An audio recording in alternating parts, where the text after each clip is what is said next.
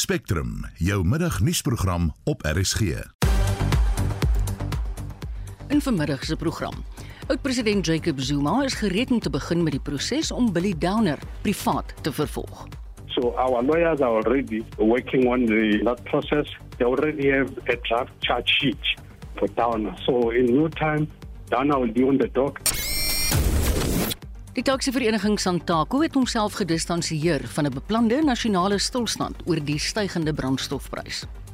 En die DA gaan voort met sy stryd om ANC-kaders uit die staatsdiens te verwyder. Goeiemôre, welkom by Spectrum. Die redakteur vandag, Jean Esterhuizen, produksieregisseur Mark Preller en ek is Marieta Kreer. Op Twitter word die NVG gepeper met vrae oor wanneer die Guptas aan Suid-Afrika uitgelewer gaan word. Ramaphosa is ook 'n gewilde hitsmerk en daar word gegis dat die president die Guptas as weerlig afleier gebruik. Gistermiddag het ek geluister na Brandpunt en toe hierdie Brandpunt vraag gehoor wat eintlik skokkend is. Dit is 3 kwart van selfdoodgevalle wat in Suid-Afrika aangemeld word, is mans. Die psigiatriese vereniging sê deel van die probleem is glo dat mans nie graag oor hulle gevoelens praat nie. Wat is jou ervaring? As man, voel jy jy kan praat oor jou gevoelens en as 'n vrou, dink jy mans praat nie? En sê hoekom jy so voel of dalk het jy al so iets ervaar. Ons wil graag hoor wat jou mening is. Stuur gerus vir ons 'n SMS na 45889 teen R50 per boodskap. Jy kan ook na ons Facebookblad toe gaan en dis die Monitor Spectrum ene Daar's 'n Messenger toepassing waar jy 'n stemnota kan stuur of jy kan gewoon WhatsApp vir 'n stemnota na 076 536 6961. Dis 7 minute oor 12. Jy luister na Spectrum en ons gaan voort met die program. Die nasionale vervolgingsgesag het 'n nollie prosecutie sertifikaat uitgereik wat die weg baan vir oud-president Jacob Zuma om advokaat Billy Downer privaat te vervolg. Dit volg nadat die NVG geweier het om Downer te vervolg omdat die aanklagte glo ongegrond is. Vir meer oor praat ons nou met professor in die departement publiekreg aan die Universiteit van Pretoria, iemand wat ons al goed ken hier op Monitor en Spectrum, professor Koos Malan. Goeiemôre Koos. Goeiemôre Marita. Wat hou hierdie beoogde privaat vervolging vir die korrupsiesaak teen Zuma en die Franse wapenvervaardiger Thales in? Uh wel vanuit 'n juridiese oogpunt uh, is dit wat nou hier mag volg presies dieselfde as enige ander vervolging met ander woorde wanneer dit dit deur die staat aangepak sal word. Wat nou hier gaan gebeur is dat uh, Zuma se regspan sal 'n uh, aanklaer benoem uh, wat uh, die vervolging sal behartig en die aanklaer sal op dieselfde basis te werk gaan as wat 'n aanklaer namens die staat te werk gaan. Daar sal aan die eerste plek verskoning in samewerking met die departement van justisie nou 'n hof gevind moet word uh, wat die uh, gepaste forum sal wees uh, waar meneer Delner aangekla sal word. Uh, dan moet 'n klagstaat natuurlik aan meneer Delner uh, bedien word. Dit uh, sal uh, daarop sal volg die klag wat aan hom gestel word wanneer die verhoor begin. Hy gaan uit die aard van die saak onskuldig pleit en dan moet namens die privaat vervolgers meer bepaal dan meneer Zuma 'n uh, uh, getuienis aangebied word. Die getuienis sal gekruis verhoor word uh, indien daar genoegsame getuienis is om meneer Downer op uh, sy verdediging te plaas. Ehm um, dan eh uh, dan sal dan sal hy natuurlik ook moet moet kom getuig. So dit is basies die regsproses wat nou moet volg. Maar Ek moet nou onmiddellik sê dat die rede waarom die vervolgingsgesag besluit het om 'n sogenaamde nollie prosecutie sertifikaat uit te reik, mm. dit wil sê 'n sertifikaat van weiering weiering om te vervolg, is doeteenvoudig omdat daar geringe of selfs geen getuienis bestaan om meneer Downer te verbind met uh met die pleeg van uh van 'n misdryf nie. Dit is hoekom hierdie sertifikaat uitgereik is. Nou presies op dieselfde wyse wat daar geen getuienis of baie min getuienis vir die staat bestaan, mm. bestaan dan natuurlik ook baie min getuienis ook vir meneer Zuma om meneer Delner mee te vervolg. Ek dink derhalwe dat die kans vir 'n suksesvolle suksesvolle vervolging is eintlik so goed as nul. Ek dink die kans daarvoor bestaan glad nie. Die uh, getuienis is waarskynlik glad nie werklik beskikbaar nie en ek dink in die finale instansie kom hierdie neer op niks anders nie as eintlik maar net 'n poging om die vervolging mm. teen meneer Zuma met betrekking tot hierdie aangeleentheid uh, uh ontwrig, 'n uh, stok in die speke daar daarvan te steek en in 'n sekere sin om dit ook 'n bietjie sterk te stel, uh, eintlik maar om 'n bietjie intimidasie tegnieke te gebruik teen meneer Delner. Ek dink dit in die finale instansie is dit maar dit. Dit moet eerder in 'n politieke lig gesien word as in 'n juridiese lig. Koos, as ek dan reg, dink jy die korrupsieverhoor wat nou geskeduleer is vir 15 Augustus sal kan hervat as 'n mens kyk na hierdie jongste verwikkeling of dink jy dit is eenvoudig 'n uitsteltaktiek? Nee, uh, dit is waarskynlik 'n poging tot 'n uitsteltaktiek. Uh dit is deel van die ontwrigting waarvan ek praat of die gepoogde ontwrigting. Ja. Uh dit sal egter nie slaag nie vir die doeteenvoudige rede dat die vervolgingsgesag aangedui het dat uh die feit dat die vervolging nou moontlik ingestel gaan word deur of dan namens Zuma nie enige uitwerking sal hê op die feit dat meneer Delner steeds as die aanklaer sal dien, as die staatsadvokaat sal dien om hierdie vervolging waar te neem nie.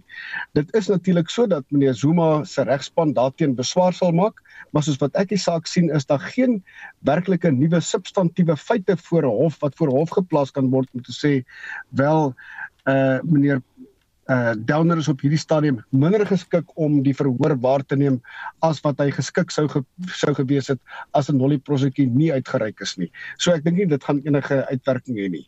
Uh waarskynlik sal meneer Zuma uh, namens meneer Zuma wel 'n uh, 'n uh, aansoek gebring word wanneer sy saak, wanneer sy sy korrupsie saak voortgesit word.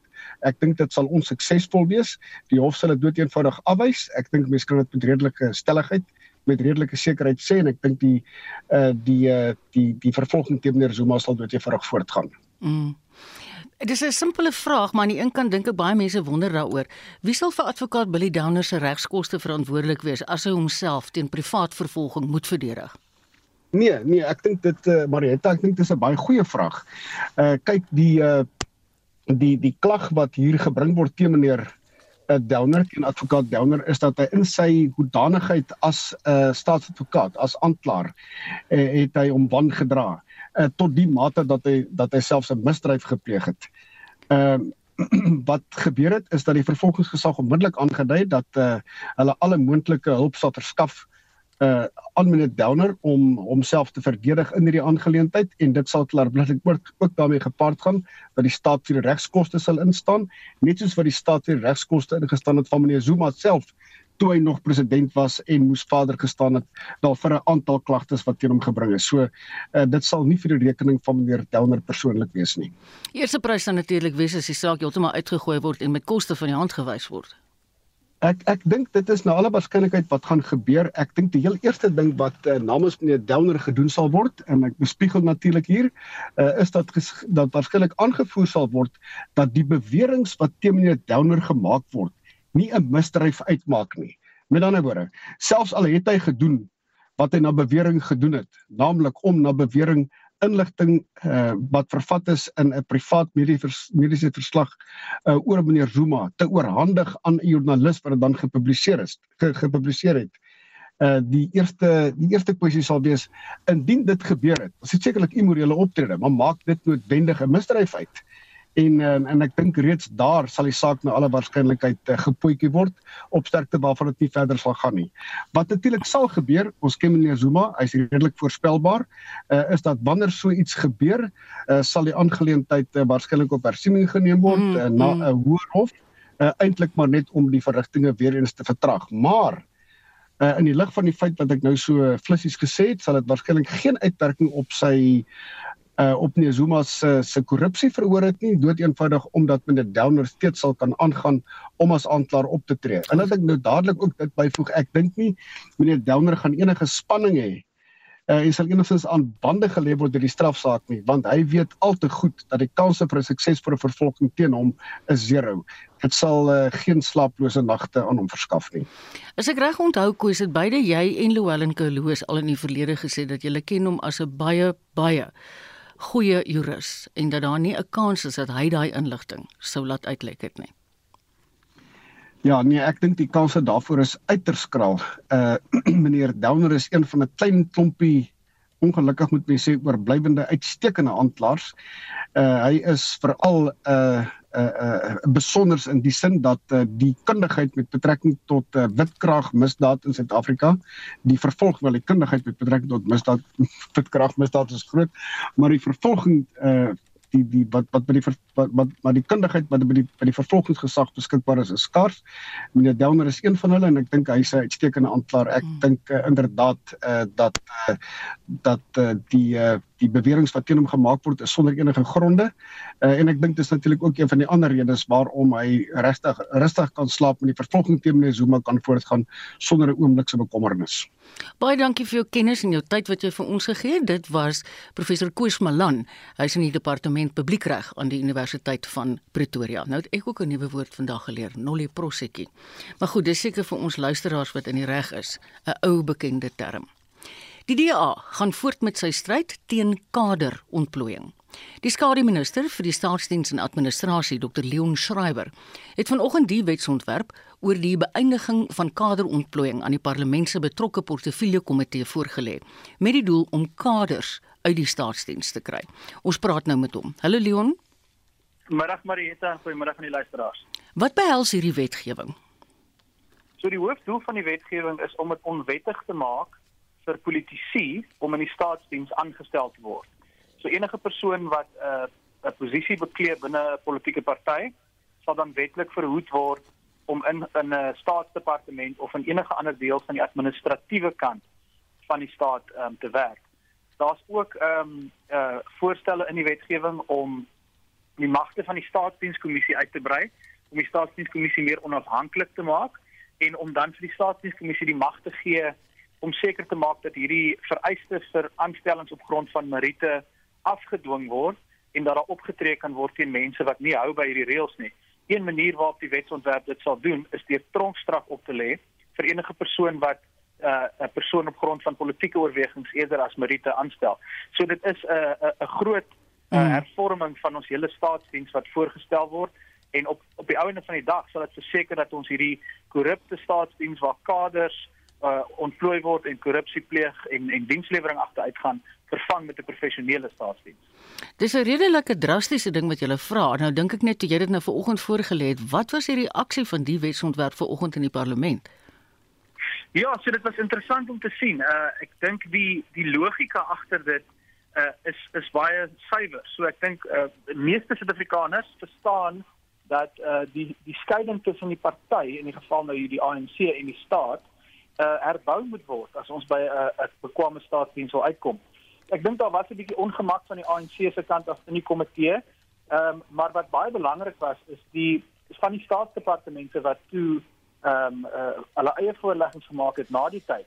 Insluit in die staatsdienskommissie self het toe bevestig baie baie van die voorstelle. So byvoorbeeld die uh, verbod op uh, politieke amptenare in die staatsdiens. Uh, hulle positief daaroor gepraat ook die onafhanklikheid uh, van die staatsdienskommissie en die feit dat sy magte uh, sterker gemaak moet word. So ek dink daar is 'n besef dat uh, hierdie tipe stap nodig is en ek dink dit is ook belangrik en en dit is waarom ek my voorlegging ook afgesluit het om te sê hierdie behoort nie 'n partytetiese aangeleentheid te wees nie want die wetgewing sal dit vir enige politieke party hmm. onmoontlik maak om kaders uh, te ontplooi in poste waar professionele mense soos ingenieurs uh en stadsbeplanners aangestel behoort te word. So ek hoop dat uh partye dit so sal benader en dat Suid-Afrikaners sal verstaan dat ongeag die party wat se dag in beheer is, hierdie is wetgewing wat in die toekoms ook kan verhoed dat kaderontplooiing voortgaan. Hoe sterk is julle kanse Leon om hierdie wetsontwerp deur te druk? So op die ouene van die dag wanneer dit nou kom by 'n stemmery is dit mos maar 'n ge geval van die getalle. Mm. Maar wat interessant is om te sien is soos ek sê, van hierdie voorstelle dit lyk vir my asof die staatsdienskommissie uh en selfs amptenare in die departement uh besig is met uh met 'n proses om van hierdie voorstelle ook in hulle eie wetgewing op te neem. So dit maak op die einde van die dag nie saak of dit nou die DA wetgewing is en of dit van die staatsdienskommissie afkom nie. Uh wat vir my baie positief is is dat van dieselfde voorstelle nou ook uh in hulle eie voorstelle vervat word. So ek dink die druk is definitief besig om om vrugte af te werk. Maar die ander belangrike ding is uh, dat ek ook moet deel, ons gaan Vrydag 'n baie groot aankondiging maak uh wat uh verder gaan help om seker te maak dat op een of ander manier, soos Engels sê baie hoekom baie terug uh, ons kaderontplooiing afgeskaf kry, uh so hou asseblief die spasie dop vir dit ook. Baie dankie Leon, dit was Dr Leon Schreiber, die DA se skademinister vir die staatsdiens en administrasie. 1220 Die skuldigbevindings van Jaco Swart aan aanranding met die doel om ernstig te beseer is nie sonder probleme gedoen nie. Swart het in 2018 sy vervreemde vrou geskop en geslaan, maar die saak is van die rol geskraap. Daarna het die hoof van Afriforum se privaat vervolgingseenheid, advokaat Gerry Nel, ingespring en die saak verder gevoer. En ons praat nou met hom. Goeiemôre Gerry. Goeiemôre Marita. Hoekom is die saak destyds van die rol geskraap?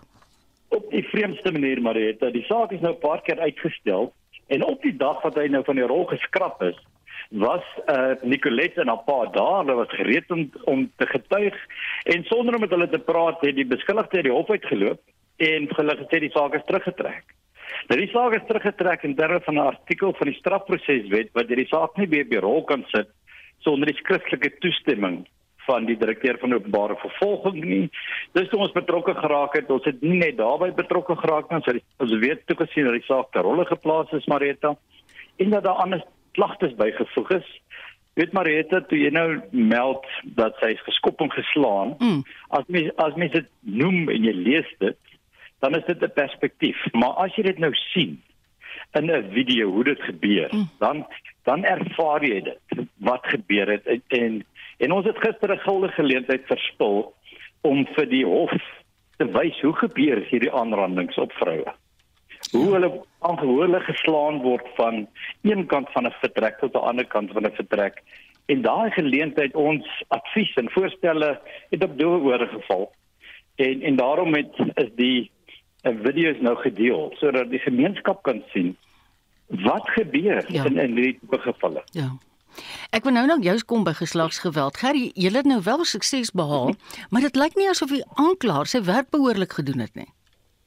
Net maar dit dan eh, ek sê ons het ons het 'n geleentheid verspil. Uh, ons kon daai video's verwys het gister en dan kon ons 'n vonnis gekry dat die gemeenskap dink hy verdien.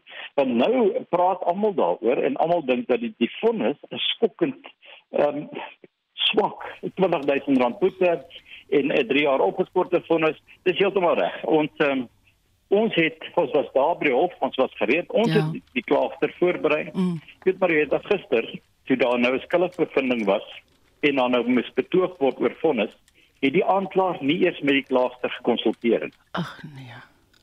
En uh, so maar ehm um, ek moet ek wil net tog iets sê.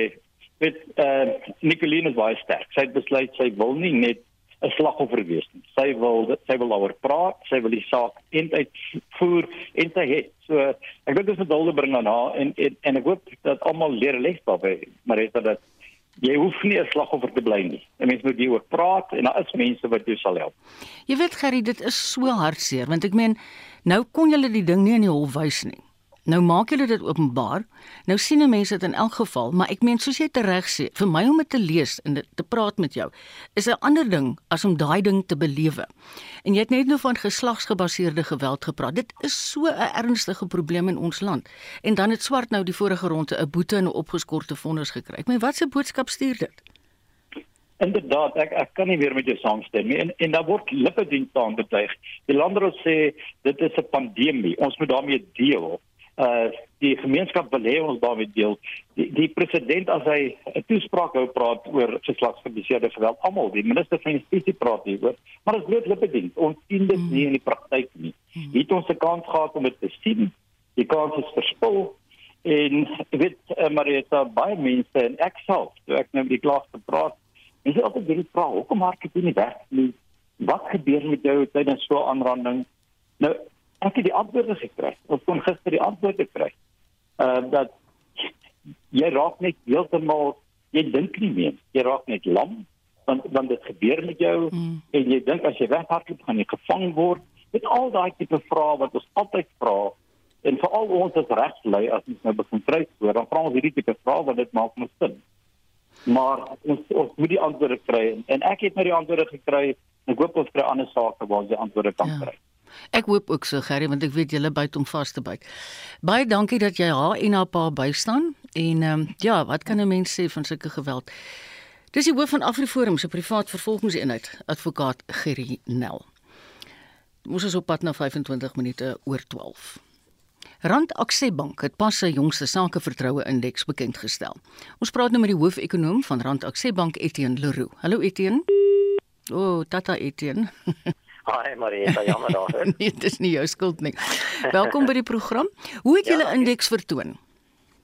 Ehm um, die indeks het so 'n paar punte gedaal in die tweede kwartaal, Marieta so van ehm um, 46 na 42, so net om vir die luisteraars te herinner. Ehm um, ons is ehm um, geïnteresseerd in hoe sake lei byvoorbeeld dink oor besigheidsomstandighede. Is hulle tevrede, is hulle nie tevrede nie. En as die indeks onder 50 is, dan beteken dat sake lei 'n bietjie meer pessimisties is as wat hulle optimisties is. So indeks vlak van 42 beteken dat omtrent 6 van ons respondente en daar was omtrent so 1300 van hulle wat het met hulle het maar 'n bietjie rede tot kommer. Um, en dit hang natuurlik af van watter sektor um, ja. hulle in in in werk. Watter subindeks het vir julle uitgestaan? Ehm um, daar is daar is slegte nuus en goeie nuus in die tweede kwartaal. Ehm um, die die goeie nuus was die die uitskieter. Dit is die bou en konstruksiebedryf. Ehm um, dit wil tog vir ons lyk of in die tweede kwartaal die residensiële eienaarsmark of boukontrakteurs wat besigheid doen in die, in die residensiële eienaarsmark het 'n beter kwartaal gehad as byvoorbeeld kontrakteurs in die kommersiële eienaarsmark. Hmm. Dit is goeie nuus want dit dit is 'n is 'n sektor wat redelik ehm um, werk skep en um, goed vir konstruksie, bou en konstruksie. So ons moet 'n oogie op daai sektor hou. Dis die goeie nuus. Die slegte nuus was maar vervaardiging en um, nuwe motorhandelaars. Nou in vervaardiging het ons 'n sterk daling gesien in die in die in die indeks in elk geval in al twee sektore. Maar vervaardiging was daar 'n subsektor wat baie swaar getref was in die tweede kwartaal. Mm -hmm. En dit was 'n subsektor van vervoer. En hier het ons spesifiek te doen gehad met um, die Toyota motoraanleg wat tydelik gesluit is as gevolg van die groot vloedskade. En dit is natuurlik 'n baie groot um, besigheid in KwaZulu-Natal. En Toyota is weer 'n groot kliënt vir 'n klomp ander maatskappye. En ons het duidelik gesien dat spesifiek in KwaZulu-Natal het produksievlakke gedaal uitvoere van motors het dramaties gedaal en dit was genoeg om die hele indeks um, af te trek. En dan was daar ook natuurlik 'n 2 weke staking in die staalbedryf wat ook nog nooit goeie nuus is vir vervaardigers nie. Dan as jy kyk na die nuwe motorhandelaars, staat vertroue ook sterk gedaal van 54 na 29 en dit het maar verband met die vervoer konteks of die vervoer sektor in vervaardiging want dit is baie duidelik dat wêreldwyd is motorvervaardiging maar nog onder druk. En as ou nie vinnig genoeg nuwe karre bou nie dan skuif jy die vraag van nuwe motors na die tweedehandse mark toe. Mm. en dan weet vinnig daarna het jy voorraad tekort en as jy nie nie karre het om te verkoop nie dan wie gaan nou optimisties voel oor die besigheid? En dit is tipiese tendens wat ons gesien het in die tweede kwartaal in die in die nuwe motorhandelaars. Etienne, hoe die kleinhandel en groothandel onderskeidelik vertoon?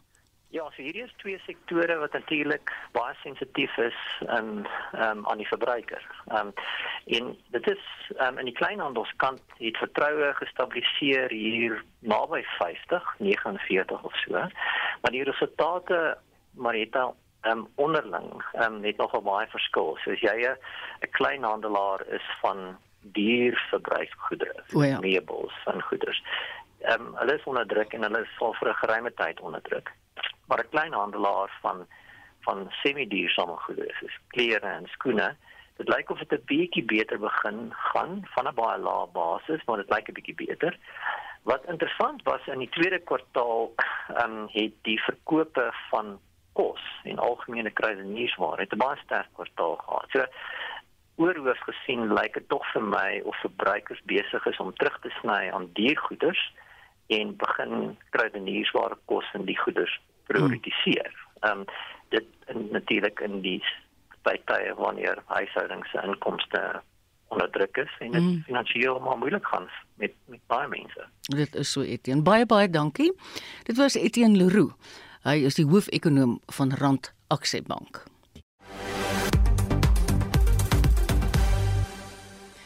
23 minute voor 1. Die Senzo Mjiwa moordverhoor het ver oggend voortgegaan in die Hooggeregshof in Pretoria en die eerste getuie, Santabo Musia, is steeds in die getuiebank gewees.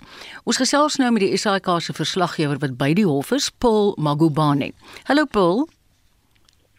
Good day, how are you? I think you are better than me because I saw that the case is postponed till Monday. Yes, I think everybody is a bit relieved right now that we're getting a short break, uh, considering that it's been a lengthy, pros- lengthy proceedings throughout the past few weeks. So tell us why was it postponed? Well, uh, defense counsel for uh, accused number five, Advocate Mshololo, said that there was a, a document that she requested from the state, and uh, she only received it this morning. This is a docket uh, that contains uh, uh, names of people who are also supposed to be charged with the murder of the soccer star as well as defeating the ends of justice. It's the controversial one that Advocate Defoe had alluded to a few weeks ago. Uh, I mean, sorry, a few days ago, uh, which uh, name uh, Kelly Kumalo, who's uh, the girlfriend, and Longwathala, amongst other suspects that were present during the shooting. Yes. Because I, I think it is known at this point that the girlfriend Kelly Kumalu will also be called to testify after allegations that she might have pulled the trigger. Yes, there's been those rumors, but uh, we are not uh, privy to the actual, uh, what you call it, um, names list of the witnesses Right. that are going to be called for protection, for their own protection. But for the way things stand, I mean, her name has been called several times, and if there is a docket that you know uh, has her name and so forth, we don't know if she's going to be called as a witness. Or they're going to be charged again. Yes. I'm assuming this is what Defoe was trying was alluding to when he was applying for a trial within a trial, just to say that if these people these people should be called instead Kelly Kumalo and uh, those in the house, and it would be a game changer indeed. Sergeant Tabu Musia didn't transpire to me as forthcoming and transparent.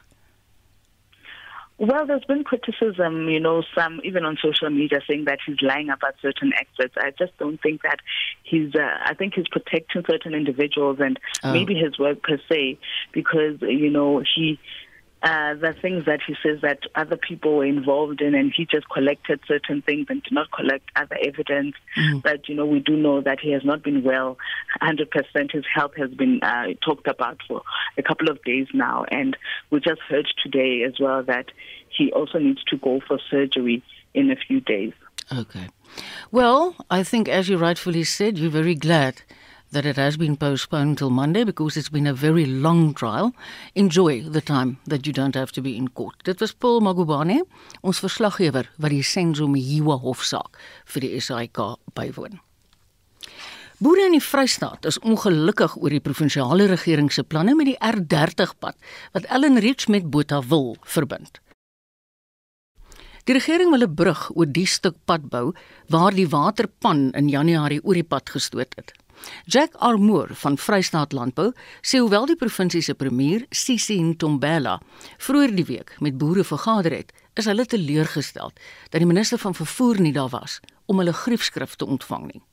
In ons memorandum het ons duidelik gesê dat ons 'n onafhanklike professionele ingenieur van buite af moet hê wat verskillende alternatiewe kan opweeg wat met die mees kostedoeltreffende en veiligste alternatief sal kom, nie net noodwendig die duurste brug wat moontlik gebou kan word. Dit was die boere se bekommernis dat die geld wanspandeer gaan word op 'n onnodige wit olifant wat broodnodig op ander plekke in slaggate en goed gebruik kan word.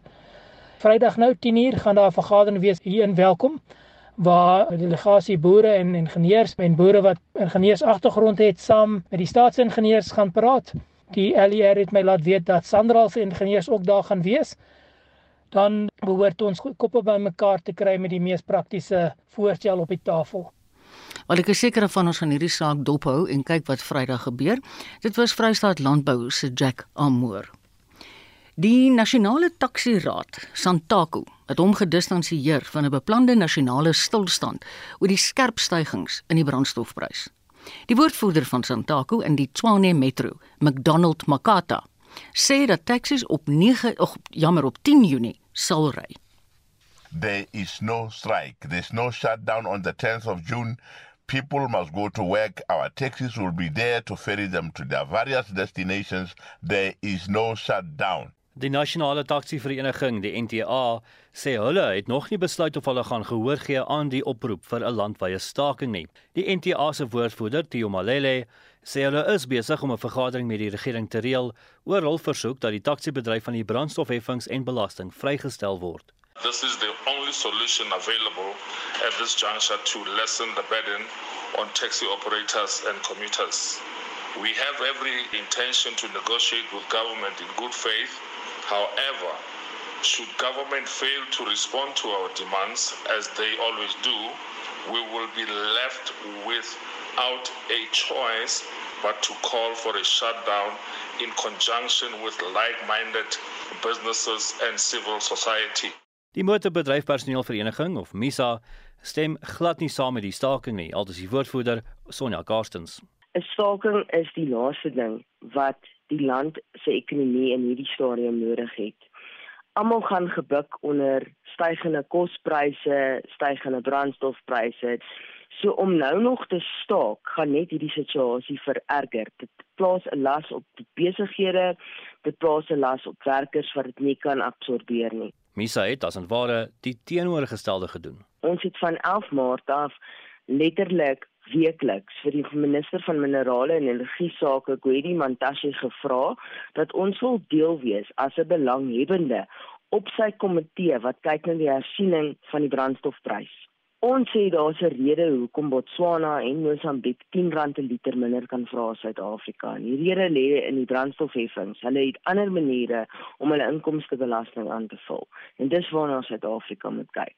Watter ander maniere is daar as 'n maklike brandstofheffing om die fiskus vol te maak? Volgens 'n plakkaat wat op sosiale media versprei word, vind die staking plaas op 10 Junie.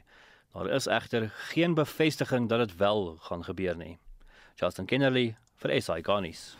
Er is hier, as die stasie hierdie is die program Spectrum en dit is nou kwart voor 1. Terwyl die konflik in Oekraïne verby die 100 dag merk beweeg het, is daar toenemend beweringe van seksuele geweld. Dit is volgens die VN Veiligheidsraad se spesiale verteenwoordiger vir seksuele geweld in konflik. Die kantoor van die Hoogkommissaris vir Menseregte het intussen verslae van 124 beweerde gevalle van konflikverwante geweld ontvang. Messie van der Merwe het meer besonderhede. Die verwarring van die oorlog maak dit moeilik om die baie beweringe van seksuele geweld te bewys. Maar daar is in die raad gesê dat daar geloofwaardige verslae van beweerde dade is wat gedokumenteer word. Daar is gewaarsku dat dit moontlik slegs die oortjies van die seekoei is. Die VN se spesiale verteenwoordiger vir seksuele geweld in konflik, Pamela Patton. Women constitute most of the alleged victims. 56 of 124 allegations concern women. 49 of the allegations are against children, 41 against girls, 7 against boys, and in one case the gender was unknown. 19 of the allegations are against men, including rape, attempted rape, forced public uh, stripping, and threat of sexual violence. Verification of cases is still ongoing. In net die eerste 2 weke van April is sowat 400 gevalle van seksuele geweld deur Russiese soldate by die Oekraïense ombudsvrou se menseregte aangemeld. Die verslae kom meestal uit besette of onlangs bevryde gebiede in Oekraïne. Natalia Karbowska is 'n direkteur van die Oekraïense Vrouefonds. Sexual violence in this war is the most hidden crime. And for every girl or a woman who is willing to tell her story, there are many other people who will be silent for years because of understanding of rape as a shame crime, because of these feelings of shame among survivors because of the feelings of guilt among those who were not able to defend them, because of the fear of getting in the same situation among neighbors. Sy beskuldig Rusland van die gebruik van terreur teen die burgers in Oekraïne. Russia is using sexual violence and rape as a terror to control civilians at the temporary occupied territories.